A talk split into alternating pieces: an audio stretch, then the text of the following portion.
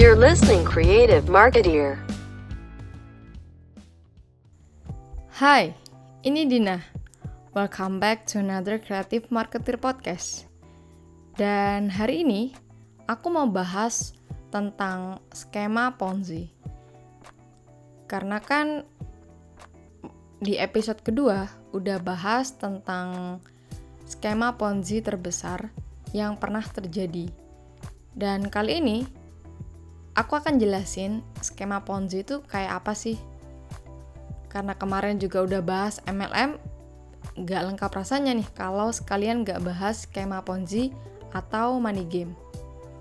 Jadi apa sih skema Ponzi itu? Skema Ponzi adalah sebuah skema piramida yang pertama kali diperkenalkan oleh Charles Ponzi pada tahun 1920. Skema ini adalah modus investasi palsu dengan cara membayarkan keuntungan dari biaya anggota baru kepada anggota lama. Jadi intinya ya gali lubang tutup lubang. Skema investasi palsu ini gak hanya terjadi di luar negeri, tetapi juga marak terjadi di Indonesia dan korbannya juga cukup banyak dan merugikan.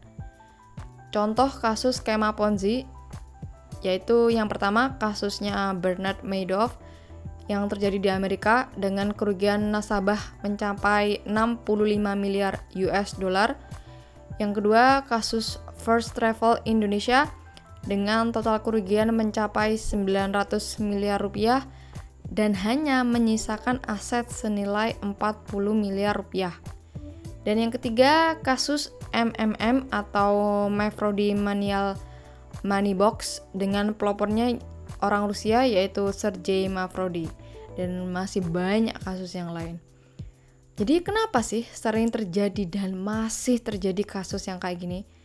Yang pertama yaitu kurangnya pemahaman masyarakat tentang investasi menjadi kesempatan bagi penjahat untuk beraksi. Dengan kemudahan akses internet saat ini, ini di mana kejahatan itu dapat terjadi dengan mudah dan dapat menjangkau lapisan masyarakat yang paling bawah.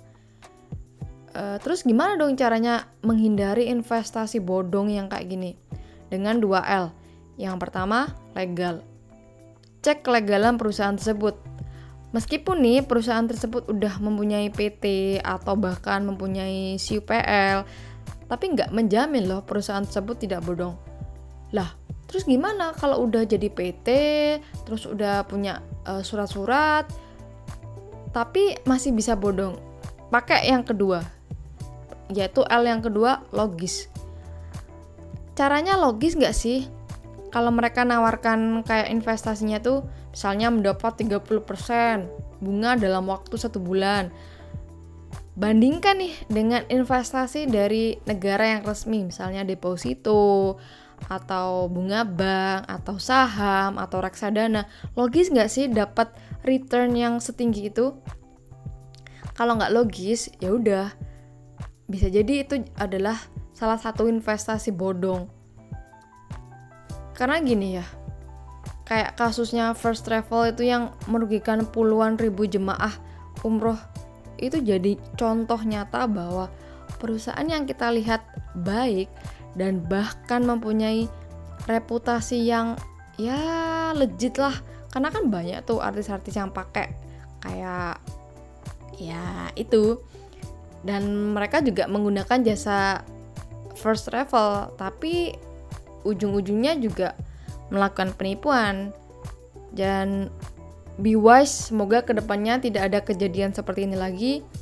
Dan buat masyarakat atau teman-teman yang mau investasi belajar dulu investasi yang benar tuh kayak gimana.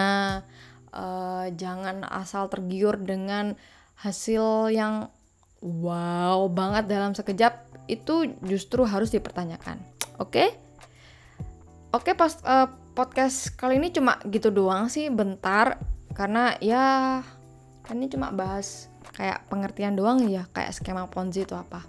Dan saran kritik sangat buat tunggu di DM Instagram at creativemarketer atau bisa email di infokreatifmarketer at gmail.com atau mungkin uh, pengen bahas topik tertentu bisa DM dan email. Oke, okay? see you, bye.